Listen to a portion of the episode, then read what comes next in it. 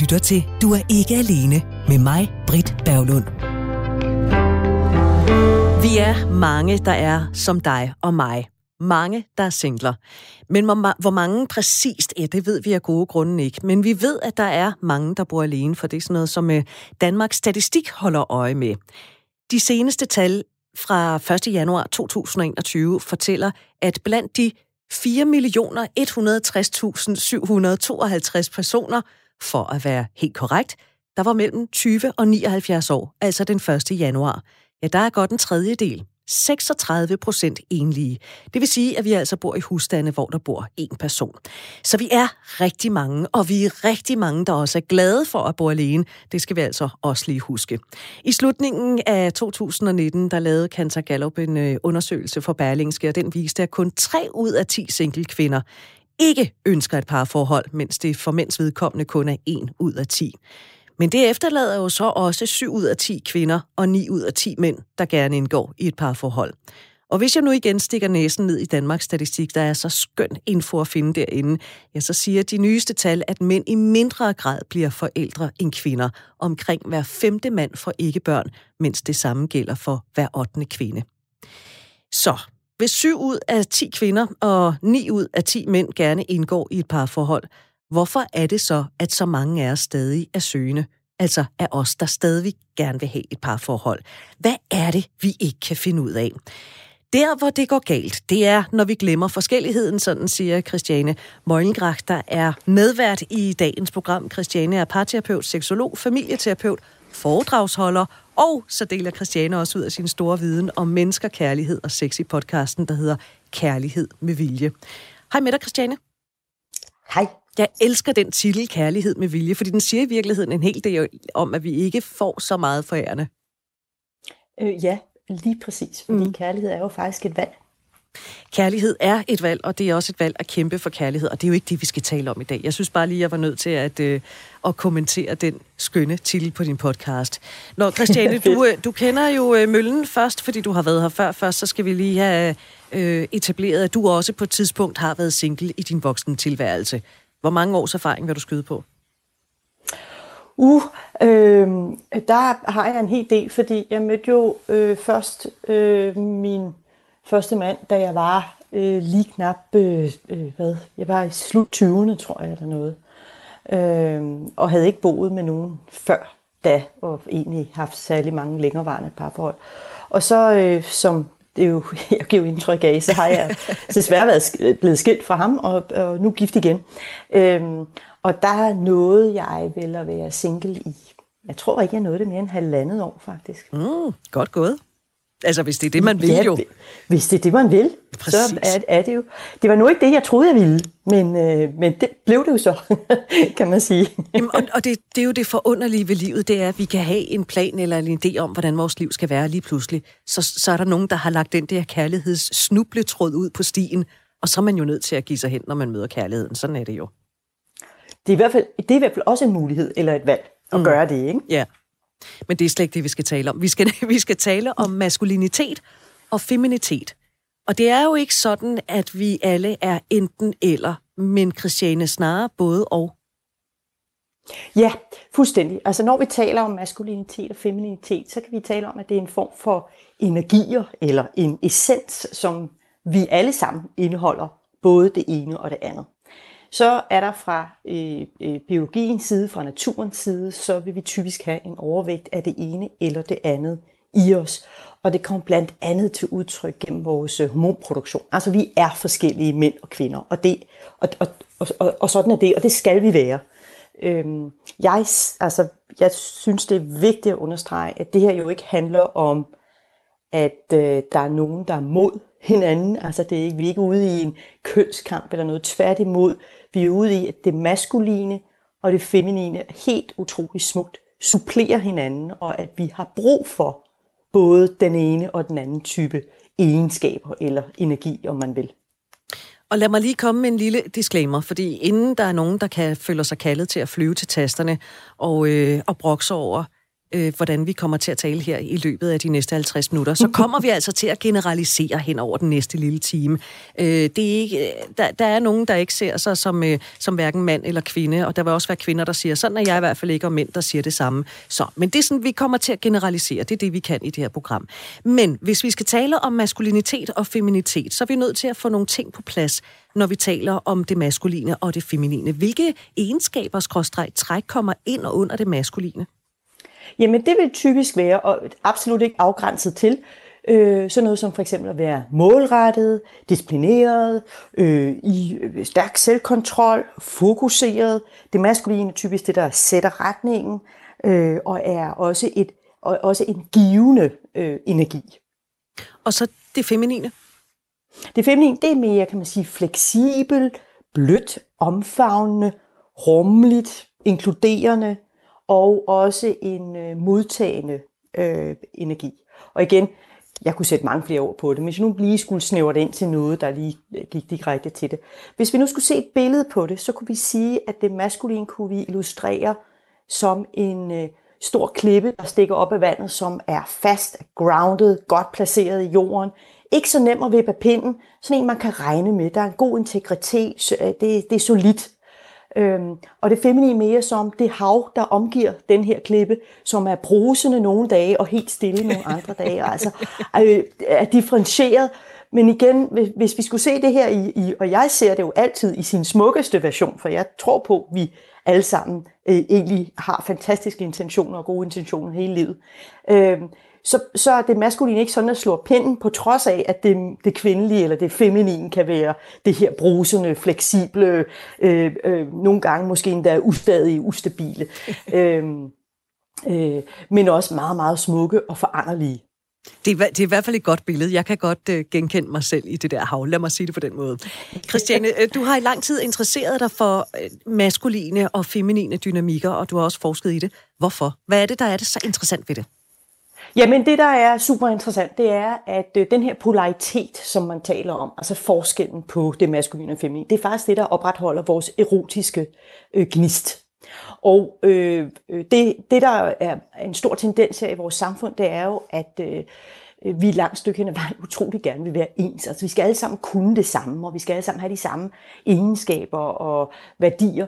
Og øh, måske er det faktisk ikke tiltænkt sådan fra naturens side. Og så er der en rigtig stor risiko for, at hvis alle sammen skal have præcis de samme roller, at øh, vi går hen og bliver det, jeg kalder unisex.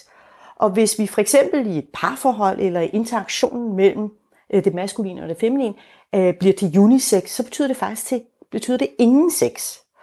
Og, og det, det er jo igen øh, øh, noget omkring, at, at øh, hvis vi skal opretholde den her erotiske gnist, som jo er super, super naturlig for os mennesker, altså vi er jo i stand til både at være liderlige hele livet og forelske os hele livet. Så det er jo en del af vores biologi, at vi skal, vi skal tiltrækkes af, øh, af nogen med henblik på at forplante os og, og, og sikre artens beståen.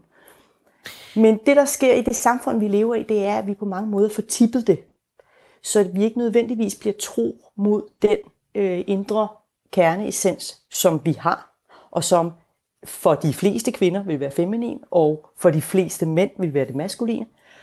Øhm, og så sker der lige pludselig noget omkring det her med, at vi dels øh, altså, øh, kan miste lysten, men mister simpelthen den der erotik imellem os.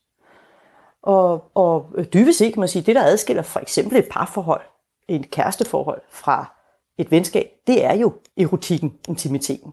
Mm. Da vi talte sammen forleden dag, der sagde du også, at øh, vi lever i en tid, hvor de maskuline dyder og egenskaber, de bliver fremhævet. Og det er noget, som, ja. øh, som kvinder har taget til sig. Også ja. i hjemmet. Ja, altså vi, øh, vi lever i en øh, vi lever i en tid, hvor, hvor at, at øh, man kan sige, når vi går på arbejde, så er det jo i høj grad de maskuline øh, værdier og egenskaber, der kommer i spil. Altså det med at være målrettet, øh, øh, fokuseret, øh, øh, gå efter det ene og det andet, disciplineret osv. osv.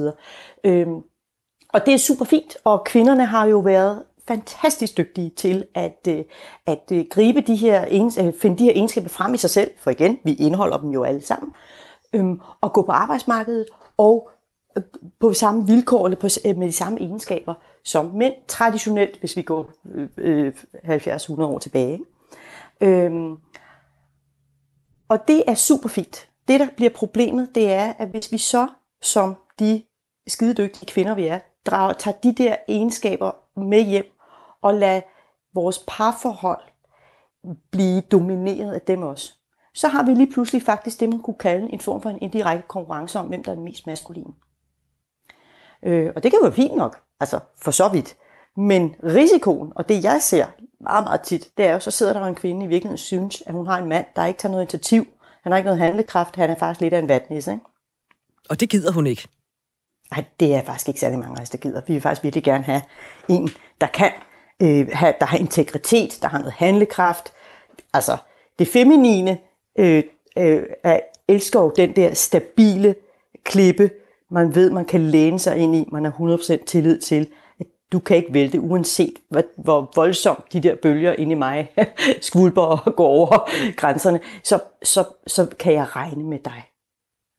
Og det, det er jo dybest set, det er det feminine og maskuline, det er der, hvor de passer så godt sammen. Og igen, så kan du være kønner og sige, ej, det er da vildt svagt. Ja, hvis vi vælger at se på det som svagt, man kunne også vælge at sige, det er jo bare en del af os.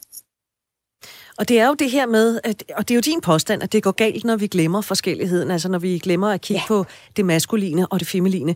Hvad er det helt konkret ved forskelligheden, der er så super godt? Jamen det er, at vi... Ja, jeg kunne jo starte med at spørge, altså øh, øh prøv at høre, øh, Britt, du er fantastisk. Og, øh, men vil du gerne have en kæreste, der er fuldstændig med til dig? altså, hvis jeg kan få lov til at sige uh, tak, men nej tak, så vil jeg gerne altså, jeg, jeg vil sgu nedbo sammen med en total klon af mig selv. Ikke? Øhm, øh, og det er jo noget med, igen, øh, vi kan jo se på det også som et billede med yin og yang, altså det her med, vi supplerer hinanden. Og vi er altså biologisk forskellige, og det er altså okay at være forskellige. Øhm, og det, der er udfordringen, det er jo, at jeg møder jo rigtig mange mennesker, der synes, at den forskellighed bliver et problem. Men hvad hvis nu vi i stedet så det som en gave, at det som jeg, at du er bedre til nogle ting, end jeg er, og jeg er bedre til nogle andre ting, og så supplerer vi hinanden på den måde. Det kan også vende at sige rent, altså børnemæssigt, det er jo super sundt for børn at vokse op med forskellige typer mennesker, fordi når de skal ud af døren og leve deres eget liv, så kommer de ud i verden og møder mange forskellige typer mennesker. Tænk, hvis de hjemmefra kun havde mødt én type. Mm. Så, så den her forskellighed øh, er, er super vigtig, og ikke mindst i forbindelse med det her med det maskuline og det feminine. Og når jeg siger det, så er det jo både dels for at opretholde den her erotiske tiltrækning, altså grundlæggende, at vi stadig begærer hinanden. Det er altså en af de største udfordringer i dag, det er faktisk det der begær, det falder rimelig hurtigt i parforhold. Øhm, men, men det er også noget med, det, altså, øh, noget af det, jeg har forsket i, det er, at vi faktisk inducerer nogle, øh, inducerer nogle stresstilstande i os, hvis ikke vi giver plads til det her. Og som ultimativt fører til, at vi ja, mister lysten, eller hvem bliver impotente, eller depressive. Øh, fordi hvis, der er, hvis vi ikke lever og ærer den primære essens i os, så vil vores kroppe opfatte det som en stresspåvirkning. Så for kvinders vedkommende, der kunne det være at slippe noget kontrol og over, ja. overgive noget kontrol til hinanden, eller hvordan? Ja, det kunne det jo for eksempel være. Vi er jo sindssygt gode til det, altså det der med at, at være i kontrol. Øh, øh, det kunne for eksempel være en af tingene. Det er jo at slippe noget kontrol, sidde lidt mere på hænderne, lade sig føre. Altså, vi kan også se på det maskuline og feminine som værende en dans, øh, hvor vi igen supplerer hinanden. Og det maskuline er altså det førende element. Øh, og der er selvfølgelig nogen, der vil straks tænke, gud, skal vi tilbage til 40'erne og 50'erne og kvinderne i køkkenet og, og så videre. Men det er jo slet ikke det, der er tale om. Det her, det skal ses mere som en form for en energi, og at, øh, at, at der i virkeligheden er plads til, at vi har den forskellighed. Altså forskellighed er bare godt. Vi ved jo godt, at der er mænd og kvinder, men er vi overhovedet bevidste om, hvor i forskellene er? Altså specielt når så mange af os bor alene, så lærer vi jo at håndtere alle udfordringer alene, hvad enten vi er mænd, eller hvad enten vi er kvinder. Øhm, altså du siger det her med, med unisex, ikke? Ja. Hvad, hvis vi nu kigger på, på manden, hvad har det betydet for manden, at det for kvinder er gået hen stort set er blevet naturligt at tage styring og, og projektlede og have kontrollen og være handlekraftig? Jamen, man kan sige, at vi på, på mange måder lever i en, en, øh, en tid, hvor, hvor at, øh, at mændene så bliver det, man kunne kalde overtilpasset. Og, og det handler jo også om, at vi jo gennem nu efterhånden flere generationer ikke, har, har, er der rigtig mange mænd, der har set, at, at det har været mor, der ligesom har været hende, der har styret hele hjemmet. Øh, så, så de har ikke... Øh, og, så, og så bliver de overtilpasset, og så er de, holder sig tilbage, og så får de en kæreste, hvor de måske, hun er måske også vildt god til at være den der projektstyring i, i hjemmet. Og det ender med igen det her med, at de kommer til at holde sig tilbage fra i virkeligheden dels at leve det liv, de gerne selv vil leve. Øhm, og og øh, risikoen er altså øh, depression, øh, høj grad, at man går fra hinanden, øh, øh, utroskab, øh, impotens osv. Og en form for en demaskulinisering, som altså sætter sig igen næsten umærkeligt i starten, men som når vi skruer op for den, så har altså meget stor påvirkning på livskvaliteten. Så det det, det har betydet for, for manden. Hvad er det betydet for kvinden, at manden øh, i nogle tilfælde har, har sluppet styringen og taget projektlederkasketten af? Jamen, det betyder dybest set, at, at, at øh, vi faktisk har rigtig mange kvinder, der går rundt og er, øh, øh, kan man sige, på mange måder tager det, man kunne kalde et overansvar, og faktisk har et forhøjet stressniveau i kroppen. Øhm, og noget af det aller, aller første, som den slags udviser sig som, det er faktisk, at øh, altså, vi mister jo noget overskud, men vi mister også simpelthen øh, lysten, øh, fordi vores krop et eller andet sted siger, du er simpelthen ikke, altså, du er overbelastet lige nu, så du er simpelthen ikke klar til at være mor. Og, og det er jo ligegyldigt, hvor vi er i livet, uanset om man er før eller efter overgangsalder for eksempel. Ikke? Men, men det er en, øh, og konsekvensen bliver jo, at man, man opdager, at man ikke længere bryder sig om at være det menneske, man er i den relation, og så bryder man relationen. Jeg kan ikke lade være med at stå og tænke på som single menneske, at det er, det er godt nok en svær verden at navigere i, ikke? Altså, øhm, på en eller anden måde. At Ja, jeg ved sgu ikke rigtigt. Undskyld, Christian, jeg ved ikke rigtig, hvad jeg skal sige. Jeg kan bare mærke, at det bliver sådan, puha, altså, puha, altså, hvad er vejen tilbage herfra? Og det kommer vi altså til senere. Øhm, nu var jeg bare lige nødt til at, at nævne det ganske kort. Ja. Jeg synes, det virker sådan lidt uoverskueligt, at vi åbenbart går ind og tager hinandens roller. Øhm, men da vi talte sammen forleden dag, der sagde du, at du kan godt forstå de kvinder, der siger, at der ikke er nogen mænd på markedet. Og omvendt, så kan du også godt forstå, hvis mænd så synes, at kvinder har for mange krav. Det lyder lidt, Christiane Møllengrak, som om vi er havnet i sådan en catch-22 Jamen, og det kan jeg også godt forstå, at, at øh, det føles sådan, og det er vi måske i en eller anden grad også. Øh, nu er det jo sådan, at, øh, at øh, vi har jo selv ansvaret for vores eget liv. Åh, oh, hvor er irriterende, du siger det. ja, jeg ved det godt. Jeg ved det godt. Så det er, jo, det er jo i virkeligheden ikke verden, der er noget galt med, eller de andre. Der, altså, vi, hvis vi går og venter på, at, det, at samfundet skal ændre, ændre sig, eller at de andre skal ændre sig, eller mændene skal blive bedre, eller kvinderne skal blive bedre, så kan vi jo komme til at vente temmelig længe. Ikke? Øh, jo. Øhm, så, så det er jo noget med en måske at, at, at blive mere bevidst om, eller prøve noget af i den her henseende. Og igen, for nogle mennesker vil det jo være vildt abstrakt det her, fordi vi for eksempel som kvinder jo er blevet, det er jeg også, vokset op i en tid, hvor jeg er blevet totalt rost for at være selvstændig og selvkørende, og jeg skal da overhovedet ikke være afhængig af nogen, at, og der er du sindssygt, man slet ikke en mand. Øhm, og, og det bliver lynhurtigt omsat til at, at måske i virkeligheden også komme til at skubbe noget væk, som kunne være virkelig dejligt. Øhm, så vi er jo, på sin vis er vi jo landet i en catch-22, men det er jo aldrig for sent. Så og længe det... vi er live, altså, så kan vi ændre det. jeg er rigtig glad for, at du tilføjer, at det aldrig er for sent.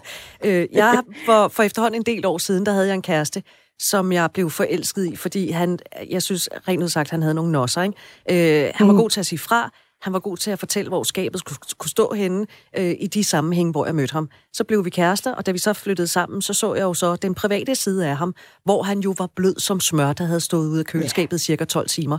Og der gik desværre ikke særlig lang tid, før jeg totalt mistede respekten for ham, fordi han ville jo i virkeligheden bare gerne være en pleaser over for mig. Øhm, mm og der, der, der var det lidt, du ved, sådan skinnet bedrageragtigt, ikke? At vi kan jo også have forskellige roller, alt efter, hvor, hvor vi mødes henne. Ja, absolut.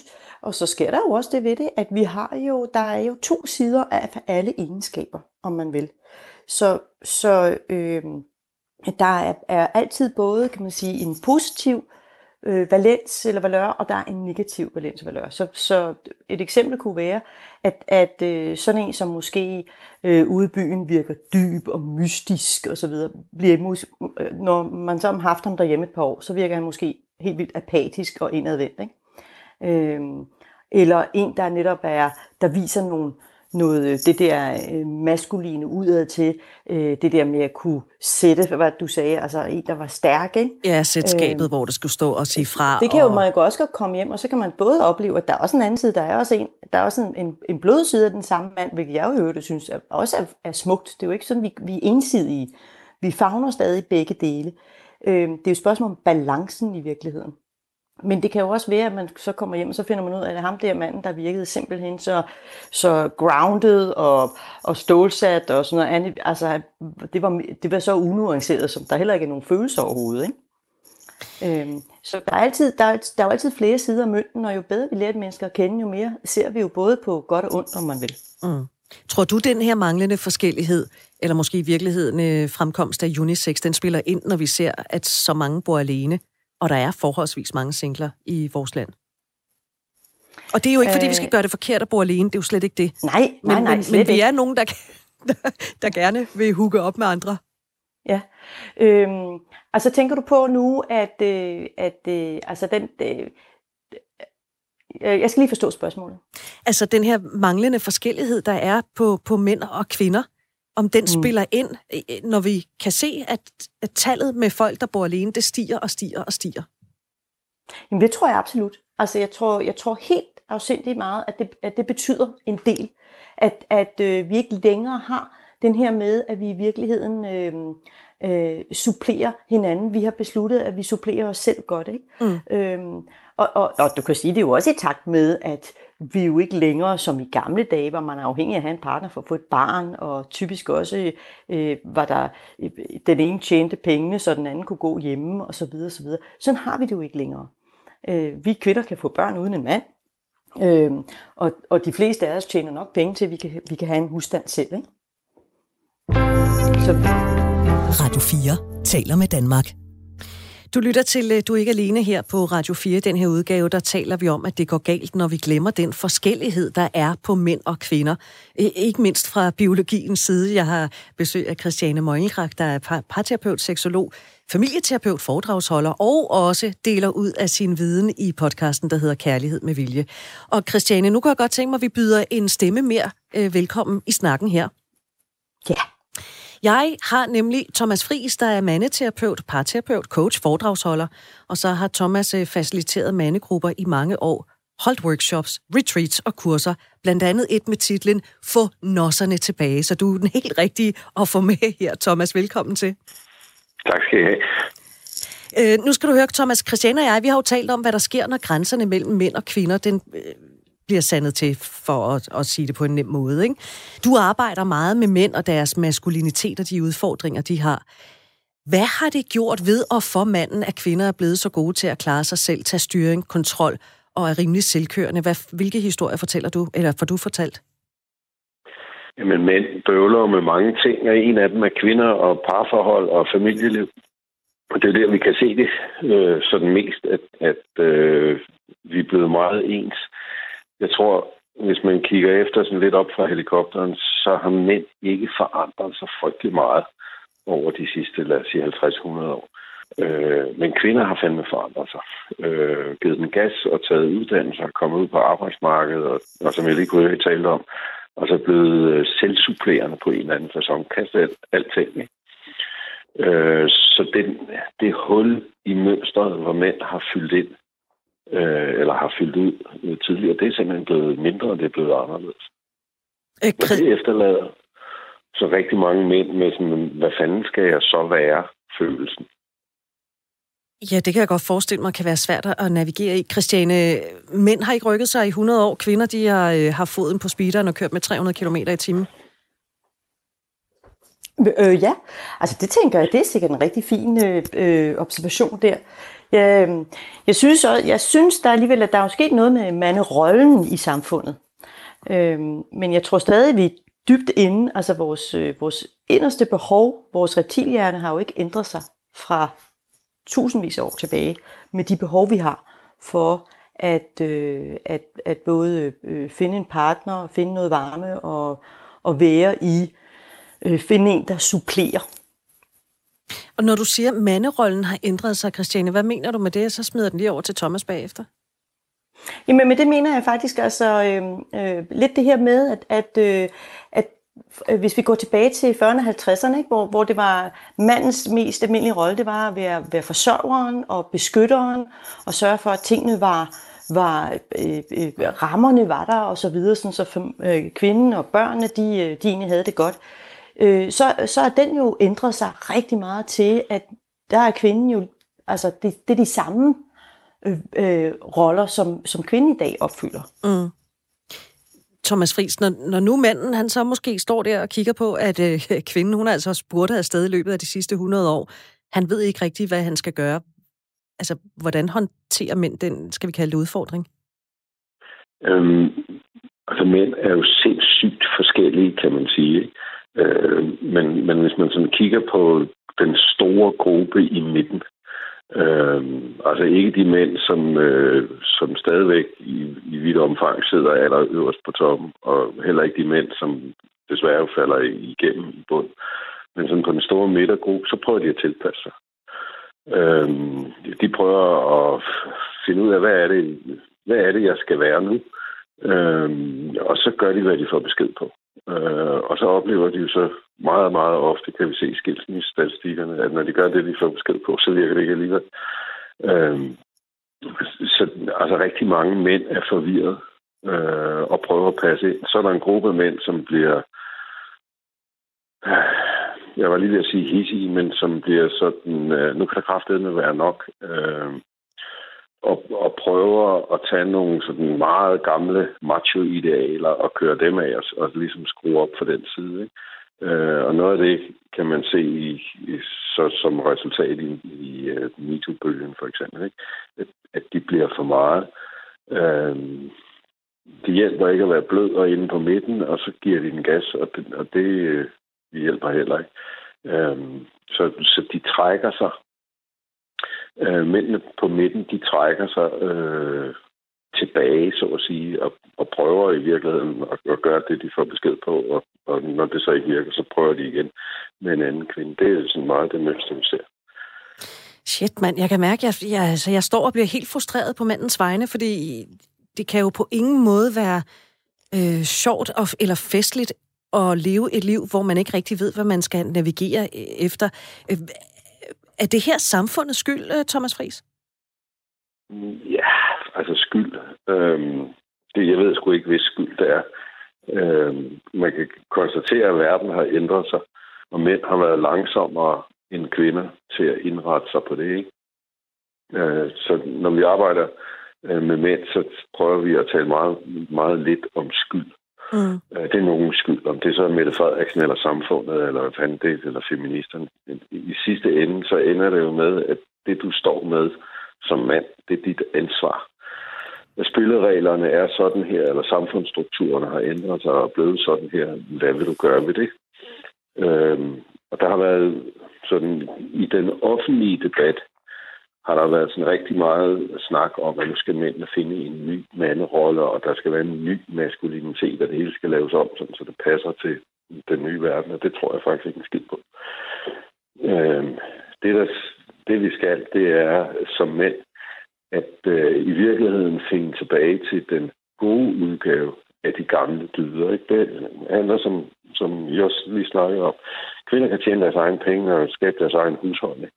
Men det betyder jo ikke, at mænd ikke skal ud på savannen og, og finde ud af, hvad fanden er det, jeg skal bidrage med. Men de skal bare gøre det på en ordentlig måde. Øhm, det betyder heller ikke, at, at nu skal parforhold være fuldstændig anderledes. Øh, der er noget i sådan, i, man kan sige, de synlige rammer om fordeling af arbejde, opgaver og pligter osv. Men, men det at indgå i en intim relation, det kræver egentlig det samme, som det altid har gjort. Øh, nemlig, at der er to mennesker, og der er en spænding imellem dem på en eller anden måde. Og der skal manden jo så levere den maskuline del.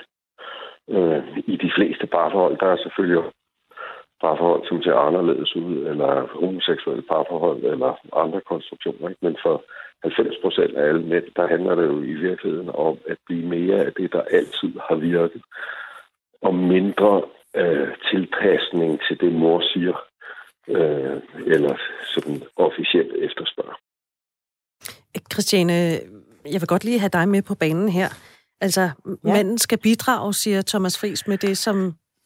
Ja, øh, altså sådan, øh, hvad kan man sige? Nu, jeg, jeg kan ikke helt huske din formulering, Thomas Friis, men, men det, som manden i virkeligheden er skabt til, ikke?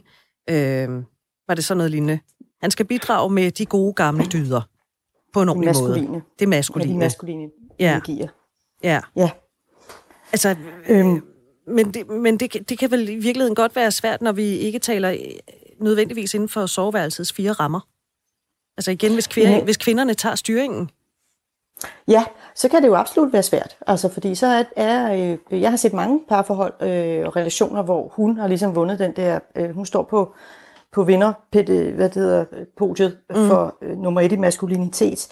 Øhm, og, og det er svært for ham et eller andet sted at komme til, så der er jo brug for, at, at igen, det er jo en gensidighed øh, for at kunne give plads til det. Men altså, jeg tænker, at, at det, som Thomas også mener, øh, det er jo øh, præcis det her med, at det er de maskuline energier i, i ikke det macho, men lige præcis det her med rent faktisk ture at være beskyttende, ture at være sætte retningen, ture at være, være, være ham, der øh, også går ind og tager initiativ, har handlekraft og integritet. Det er jo et handlekraft og integritet er noget af det, som kvinder synes er noget af det mest sexede ved mænd. Øhm, så jeg tænker, det, det, det er det, det handler om i virkeligheden. Ja, Thomas? Jeg tænker, jeg tænker man kan fylde ind og, og sige, at, at øh, altså sådan halvdelen af alle tråde på Facebook, hvor kvinder siger noget om, hvad for nogle mænd de gerne vil have, ikke?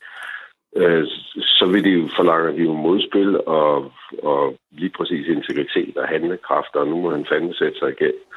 Og hele, hele den proces starter i virkeligheden jo med, at, at den her mand finder ud af, hvad fanden er det, jeg vil.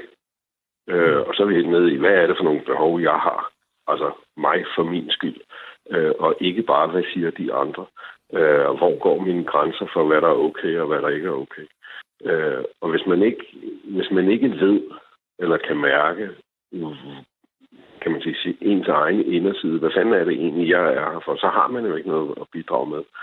Og når hun så siger, skal vi ikke, eller jeg synes, det skal være sådan, så siger han, nå jamen, det er sikkert fint nok, det gør vi da.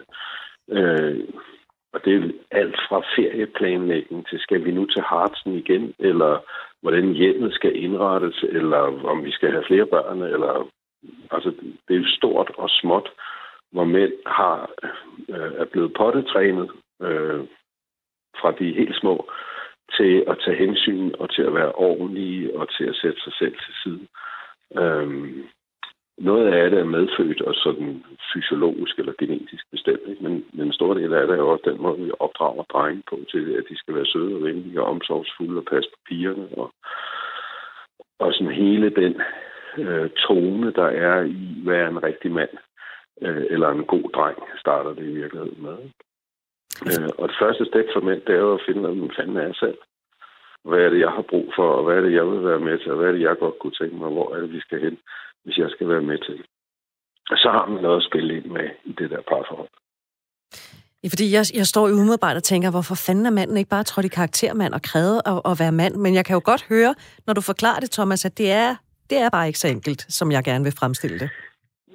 Nej, men altså prøv at, at, at kigge ind i en standard børnehave.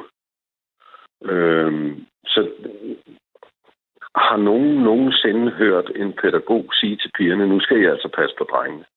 Øh, nej, det tror jeg ikke. Eller nu må du ikke, nu må du ikke bla bla bla over for drengene. Men, men vi bliver, fordi det jo er et feminin omsorgsunivers, øh, så er der enormt meget fokus på opdår, tale sammen, og vi skal kunne være søde og pæne og ordentlige. Og, og det bliver vi jo altså som, som drenge flasket op med, fra vi er et-to år gamle. Og så er det fandme svært at, at, at tale fanden midt imod, undskyld. Øhm, og, og ligesom få den kraft og, og den selvindsigt, øh, der er, øh, at få den i spil. For, og det, det starter fra, vi helt år bliver kodet til at være serviceapparater øh, på den søde, bløde og flinke måde. Og så er det fandme svært, når man bliver 15 eller 17 eller 22, øh, pludselig at vende 180 grader om og sige, hvad fanden vil jeg? Øh. Jo, jo, men, men Thomas Friis, man skal vel også som mand stadigvæk være sød og flink og imødekommende og tage hensyn og alle de der dyder? Jo, man skal opføre sig ordentligt. Ja. Øh, selvfølgelig skal man det. Øh, det gamle begreb er jo at være gentleman, ikke? Øh, men, men hvis man ikke også kan sætte sig selv igennem og sige, hør over, øh, nu er det altså mig, øh, eller det her det er det, jeg vil være med til, eller det der vil jeg ikke finde mig i, øh, så, så bliver det kun på den bløde side. Vi, igen, hvis man kigger ud i debatten, hvad, hvad er der i vejen med mænd, øh, eller med verden, hvis man sådan kigger ud, så rigtig meget af det, der er i vejen. Og, og det er jo sandt, det er mænd, der er for meget.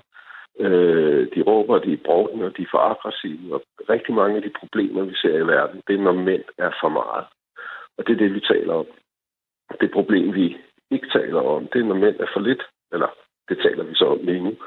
Øhm, men altså, når de er for lidt kraftfulde, når de øh, har for lidt fast fat i sig selv, når de øh, sætter for få grænser, når de er for sådan medløber øh, flyde med-agtige. Og, og det er i virkeligheden det store problem øh, for mænd og blandt mænd. Det er, selvfølgelig er der nogen, der er for meget, og nogle idioter, og, og dem skal vi have skruet ned for. Men det store problem er den meget store, store gruppe, som er for lidt. Christiane Møglenkragt, Thomas Friis siger, der er nogle mænd, der er for meget, men problemet er de mænd, der er for lidt. Er det det samme med kvinder? Der er, eller i virkeligheden det omvendte for kvinder, det, der er for mange kvinder, der er for meget? Øhm, det ved jeg ikke, fordi jeg, jeg stod egentlig og tænker på, at, at, øh, at jeg møder jo også rigtig, rigtig mange kvinder, som har sat sig selv fuldstændig til side og har lært det som barn. Så måske det er i virkeligheden en generel ting, ikke? at vi, vi på mange måder øh, lærer, at vi skal tage så over meget hensyn til nogle andre, øh, så, så vi, vi mister os selv i det her, og både som mænd og kvinder. Øhm, øh, øh, og, og det er jo et, et super interessant aspekt. Men selvfølgelig er der jo også kvinder, der er for meget, og kvinder, der er for lidt. Øh, det, det er jeg ikke sikker på er kønsbestemt på den måde. Mm.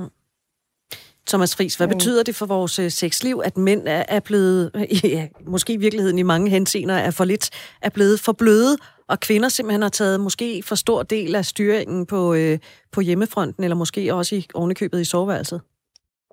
Jamen, det betyder jo, øh, når jeg kigger i min praksis, øh, hvor jeg har haft par siddende i stolen i 15 år, øh, at øh, lyset i soveværelset øh, øh, bliver mere og mere slukket i virkeligheden. Altså det, det er relativt nemt i starten for de fleste, hvor der er passion og, og nysgerrighed og nyhedens interesse, så at sige. Men når det hele så bliver syltet ind i leverpostej og hverdag og madpakke, øh, og han ikke træder i karakter, så bliver der bare mere og mere stille.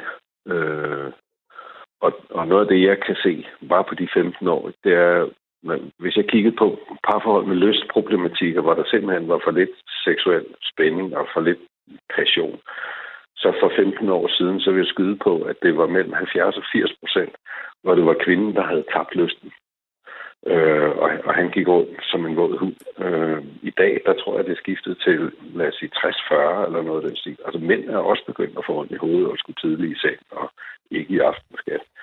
Øh, men man kan ikke opretholde seksuel polaritet, hvis der er lever på steg i alle hjørner. Øh, man kan sige, den seksuelle spænding, den bygger i virkeligheden på mest mulig forskel. Ikke? Altså, jo større spændingsforskel der er mellem plus og minus, eller mellem varmt og koldt, jo, jo kraftigere bliver den klist, der springer.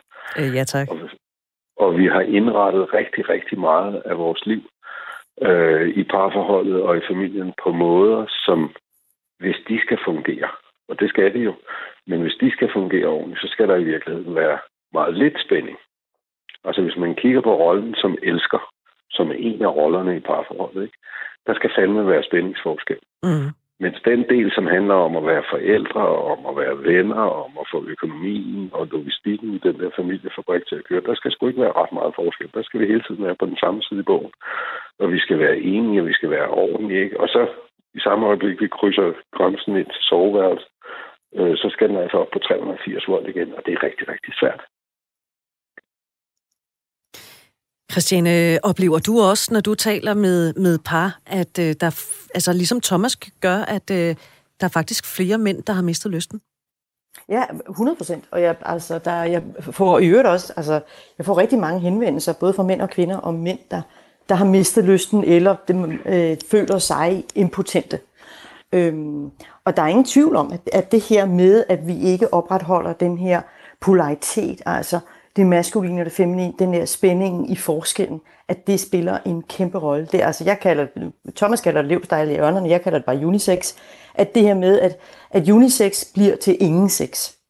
Øhm, og, der og, og det har en, altså en sundhedsskadelig virkning på os på flere planer.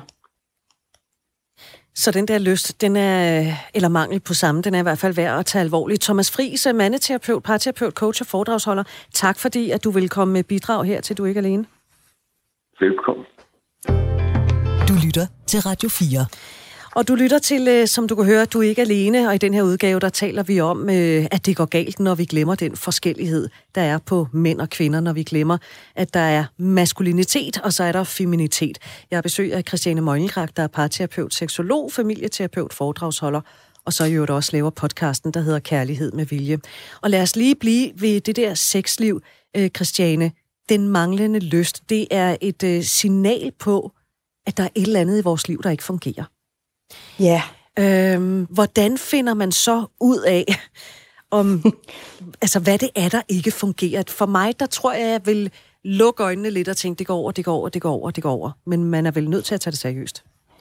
Ja, altså det er man. Og selvfølgelig kan man sige, øh, altså det er meget normalt, at det lukker øjnene, og det går over, og det er der rigtig mange mennesker, der gør, og så er der lige pludselig gået helt utrolig lang tid. Og så er det jo som regel sådan, at små problemer er nemmere at løse end store problemer. Øhm, så så øh, det, det går jo ikke over, fordi vores lyst, vores seksualitet er måske, og det er ganske uvidenskabeligt choose fra min side, der hedder vel en tredjedel af vores identitet. Det er naturligt for os at have lyst. Det er naturligt for os at være i kontakt med vores krop. De fleste af os har bare indrettet os sådan, at vi bruger det meste af tiden op i hovedet. Øhm, og så, øh, øh, og så, og så i, i hvert fald for kvinders vedkommende, når man gør det, så mister man typisk kontakten til kroppen. Og det er igen, der er noget forskel på mænd og kvinders seksualitet øh, og, og måde at mærke begær på og den slags. Men, men der er ingen tvivl om, at det er en rigtig god idé lige at sige, Hosa, jeg plejede jo at være rigtig glad for at tænde på det her. Det gør jeg ikke længere.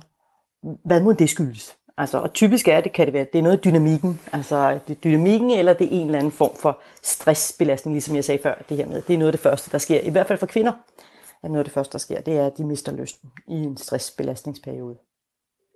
Og så kan man jo også miste lysten, øh, fordi sex i bund og grund bare er gået hen og blevet lidt kedeligt. Ja, absolut. Øhm, altså det er faktisk en af de ting, som, øh, og igen, det kan være rigtig meget kvinderne, der, der faktisk mister lysten, fordi sexen simpelthen bare er blevet for kedelig. Og øhm, Øh, nu er jeg jo ikke mand. Øh, det kunne jo være interessant. Det er jo ikke at bruge tilbringe dags tid i en mandekrop og lige mærke, hvordan det godt. føles. øhm, øh, og bare mærke, hvordan alt, alt er forskelligt eller anderledes, eller ikke. Øhm, men øh, der, er jo, der er jo det ved det, at jeg mistede spørgsmålet. Prøv lige at stille det igen. Det var det der med, at man kan også miste lysten, fordi sex er kedeligt. Øh, ja. Hvordan kommer vi lige videre derfra? Ja, men der er det jo igen, der bliver vi nødt til at gå ind og, og igen, altså vores egen lykke, vores eget liv, også vores sexliv, det er faktisk vores eget ansvar. Øhm, og det betyder, at hvis øh, jeg nu har knaldet med den samme mand i x antal år på den samme måde, eller et eller andet, og jeg faktisk synes, det er lidt kedeligt, så er det jo mit ansvar at sørge for, at det bliver bedre, om ikke andet for mig. Og det er jo tit sådan i lige præcis både parforhold og seksuelle, seksuelle øh, udskejelser, at hvis den anden synes, det er sjovt og dejligt, og man kan mærke det, den der gensidighed, den der kommunikation, der er, så synes man jo typisk også selv det. Øh, men der har vi selv helt klart et ansvar, og der er altså kvinder, der synes, det bliver kedeligt, og igen, nu er jeg ikke mand, men jeg kunne godt få lidt indtryk af, at det der kvinders underliv er simpelthen så stort et mysterium. Så når først han har fundet opskriften på, hvad der virker, så er det det, vi gør, fordi nu ved jeg, at det virker for hende. Øhm, og så fortsætter vi den der. Ikke? Så er der nogen, der piller der, nogen, der slikker der, nogen, der sutter der, og så er der en, der kommer, og så er der en anden, der kommer, og så er vi færdige. Agtig. Og så, så var det, det en succes endnu en gang. Ja, så var det endnu en gang en succes. vi fik orgasmen, det var fint. ja. Hvor det måske i virkeligheden slet ikke var den, der blev jagtet, men noget helt andet. Ja, netop. Men, så det, og der kan man sige, det er jo igen, det kan vi sige, den der type sex, det er jo også maskulin sex. Det er jo det der med, i min branche kalder man det orgasmejagten. Altså det her med, at, at, at hvis vi hele tiden, hvis formålet med sex det alene er en orgasme, så bliver det meget målrettet. Og det er jo faktisk en maskulin energi. Så det kan, det kan jo være en liten turn-off for nogen. Ja, og, og nu, jeg er nødt til lige at sparke noget ind, som Thomas sagde. Ja. Som var det her med, at jamen selvfølgelig, så skal man øh, i hverdagen, der skal være, være, være nogenlunde på samme linje med, hvordan kører vi den her husholdning og med børnene og sådan noget. Og når vi så træder ind over dørtrinene til soveværelset, jamen der skal manden jo så give den øh, 380 km i timen. Omvendt kan man vel sige for kvinder, ja, vi skal få det til at fungere i hverdagen, øh, vi skal være på nogenlunde samme linje, og i det øjeblik, vi træder ind over dørtrinet til soveværelset, ja, der skal du simpelthen slippe kontrollen. Ja, det ville jo være øh, helt fantastisk, hvis vi var gode til det. Fordi kontrol og begær, lyst, øh, øh, øh, liderlighed, blive tændt, er to forskellige, det er jo modpol, det er modsætninger. Øh, altså hvis vi prøver at kontrollere vores krop under sex, så bliver det ikke særlig nydelsesfuldt. Nydelse opstår jo typisk, når vi rent faktisk giver slip. Og øh, for i de, denne tid, vi lever i, så er kropsvæsker jo egentlig, øh, kan blive betragtet som ulækre, og vi kan også have nogle lyde, der måske ikke var specielt øh, hensigtsmæssige osv. Jo mere vi prøver at kontrollere det, jo sværere bliver det faktisk at nyde det der sex. Så hvad, altså, hvad gør vi ved det? Hvad er løsningen? Jamen løsningen Kom er lige med opskriften. ja, men du sagde det jo næsten selv, ikke? Det er faktisk at, at bruge noget krudt på at komme ned i kroppen og mærke nydelsen. Og det kan man jo godt træne uden for soveværelset. Altså, jo mere vi tillader os selv at slippe noget kontrol, slippe måske nogle forventninger, og bare lade tingene ske og forundre os over det, og tillade os selv at nyde, også i hverdagen, jo nemmere bliver det jo så, når vi går ind og lukker den der dør og siger, nu skal det, tada, nu skal vi en hel masse, ikke? vi har lige styrtet rundt og tømt opvaskemaskiner og lagt børn og alt muligt andet dødssygt, og nu skal vi virkelig være lækre sammen. Så bliver det jo faktisk nemmere, fordi vi allerede har øvet os i at nyde og være til stede i nuet, så bliver det nemmere at blive det der også. Så der er, der, det kan vi sagtens træne også uden for soveværelset. Er det nemt for mænd og kvinder at omstille sig, altså så man som kvinde lige husker at slippe kontrollen og overgive den til manden, når det kommer til, øh, til sex?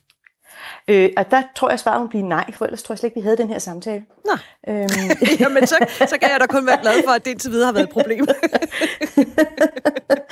øhm, øhm, altså, hvis, hvis det var nemt, den der omstilling der, i gamle dage kaldte man det jo øh, luder, luder Madonna-syndromet, altså det her at gå fra at være de roller, vi har i hjemmet, fra at være mor og være konstruktiv kæreste og være medarbejder eller chef eller hvad det er, til lige pludselig at gå til at være sådan en, der er vild i varmen og løsslukken og alt muligt andet.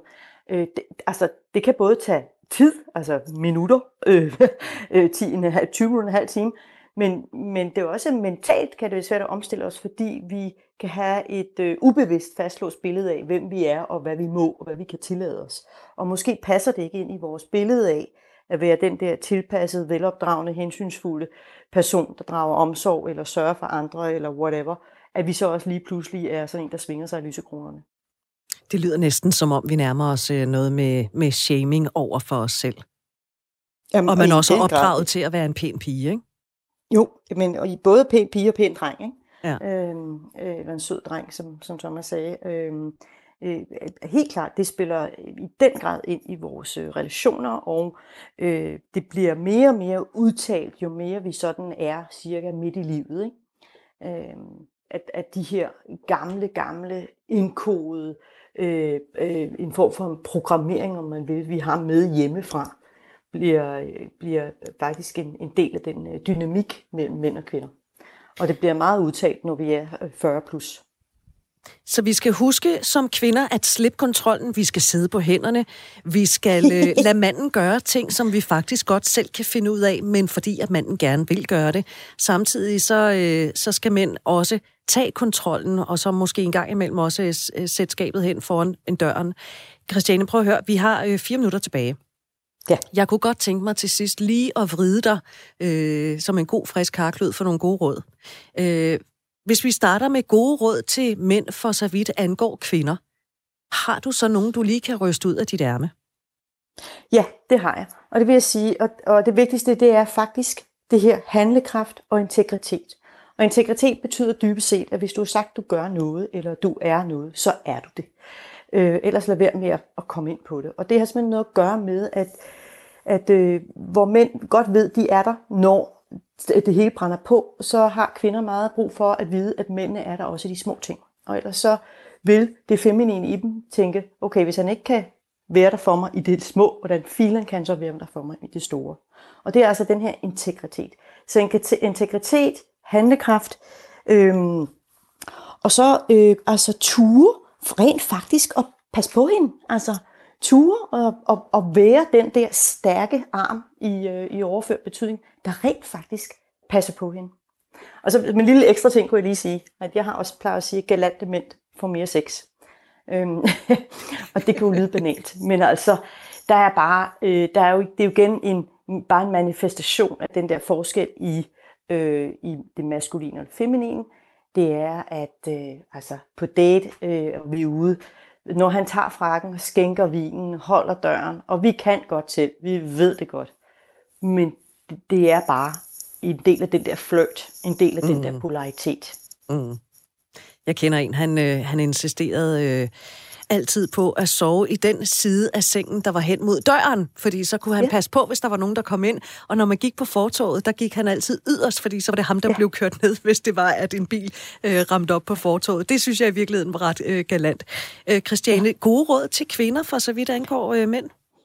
Jamen det er, at øh, det er faktisk det her med, vi har været inde på det, ikke? men det er altså, prøv at slippe din trang til kontrol og stol på, Ja, hvordan gør man kan. det? Hvordan gør man det? Ja, altså, hvordan gør jamen, prøv man at høre, vi er rigtig mange kvinder, der har det sådan lidt, jeg kan lige så godt bare gøre tingene selv, fordi så ved jeg, at det bliver gjort, og jeg ved også, at det bliver gjort rigtigt. Vi kan rigtig godt lide jeg ved godt, at der er nogen, der siger sådan, sådan er jeg ikke. Nej, nej, nu generaliserer vi, fordi det er dejligt. Vi er nogen, der rigtig godt kan lide at gøre tingene selv, fordi så ved vi, det bliver gjort ordentligt. Hvordan stopper ja. vi med det? Ja, hvordan stopper vi med det? Altså, det kunne vi jo så holde en helt, lave et helt program mere om. øhm, men, men det kunne jo være den her med måske et sted at begynde at sætte spørgsmålstegn ved, om den måde, jeg ser verden på, om hvad der er rigtigt og forkert, er det virkelig den eneste måde. Kunne man forestille sig, at der var andre måder at gøre det på, og det kan godt være, det ikke er den måde, du ville foretrække, når du gjorde det, men at det faktisk er en anden måde at gøre det på, kunne være lige så god. Og der vil jeg også ikke øh, i det banale, ikke? Altså med, hvordan madpakken den bliver smurt eller pakket, eller ja, hvad fanden ved jeg. Præcis. Og så kunne man i stedet glæde sig over, at, at, øh, at rent faktisk frigive noget energi hos sig selv, og ikke at skulle være i det der kontrol. Problemet med at blive meget kontrollerende, det gør at vi jo også bliver mødre for vores partner så. Og det er bare et skråplan. Altså, så er alt polaritet fløjten, det er usekset, og det ender med skilsmisse, hvis ikke vi kommer ud af den der morrolle. Øh, så, så der er en, en øh, der er, det er vidderligt at begynde at lære og at bide i tungen, sætte sig på hænderne og sige, jeg ved, du klarer det. Der kan man godt lige tale til. Man skal lige huske på, at han er ikke tankelæser. Man kan jo godt lige tale til og sige, vil, jeg vil blive så glad for, at det er dig, der, der booker vores næste ferie, og du gør det næste uge til Hartsen på det, det hotel. Det vil blive vildt glad for, det er dig, der gør det. Eller altså, det gør du næste også... uge til Hartsen, når du bestemmer selv hotellet. ja, det kan man også sige. Ikke? Altså, det, det, er jo, det, er jo øhm, det, det er lige den der... Øh, der er jo også noget med, hvordan vi gør det. Og, og vi har godt tendens til at kritisere, når vi i virkeligheden prøver at bede om noget. Så mm. der er jo mm. også der er jo lidt, vi kunne gøre det på rigtig mange måder. Så er der altså også noget med at ture komme ned i kroppen og give slip, og det er det samme med at slippe kontrollen. Og så øh, kan man sige, der er med, nu igen, hvor jeg ikke er mand, men jeg har dog alligevel tjekket det med rimelig mange mænd, så er der to ting, som mænd er virkelig glade for, når de er sammen med en kvinde, og det er at gøre hende glad og føle sig til gavn. Og kvinder er jo kommet til et punkt, hvor vi er meget bange for at være til besvær. Så derfor så bliver det jo lige modsat. Altså så clasher de to på en eller anden måde.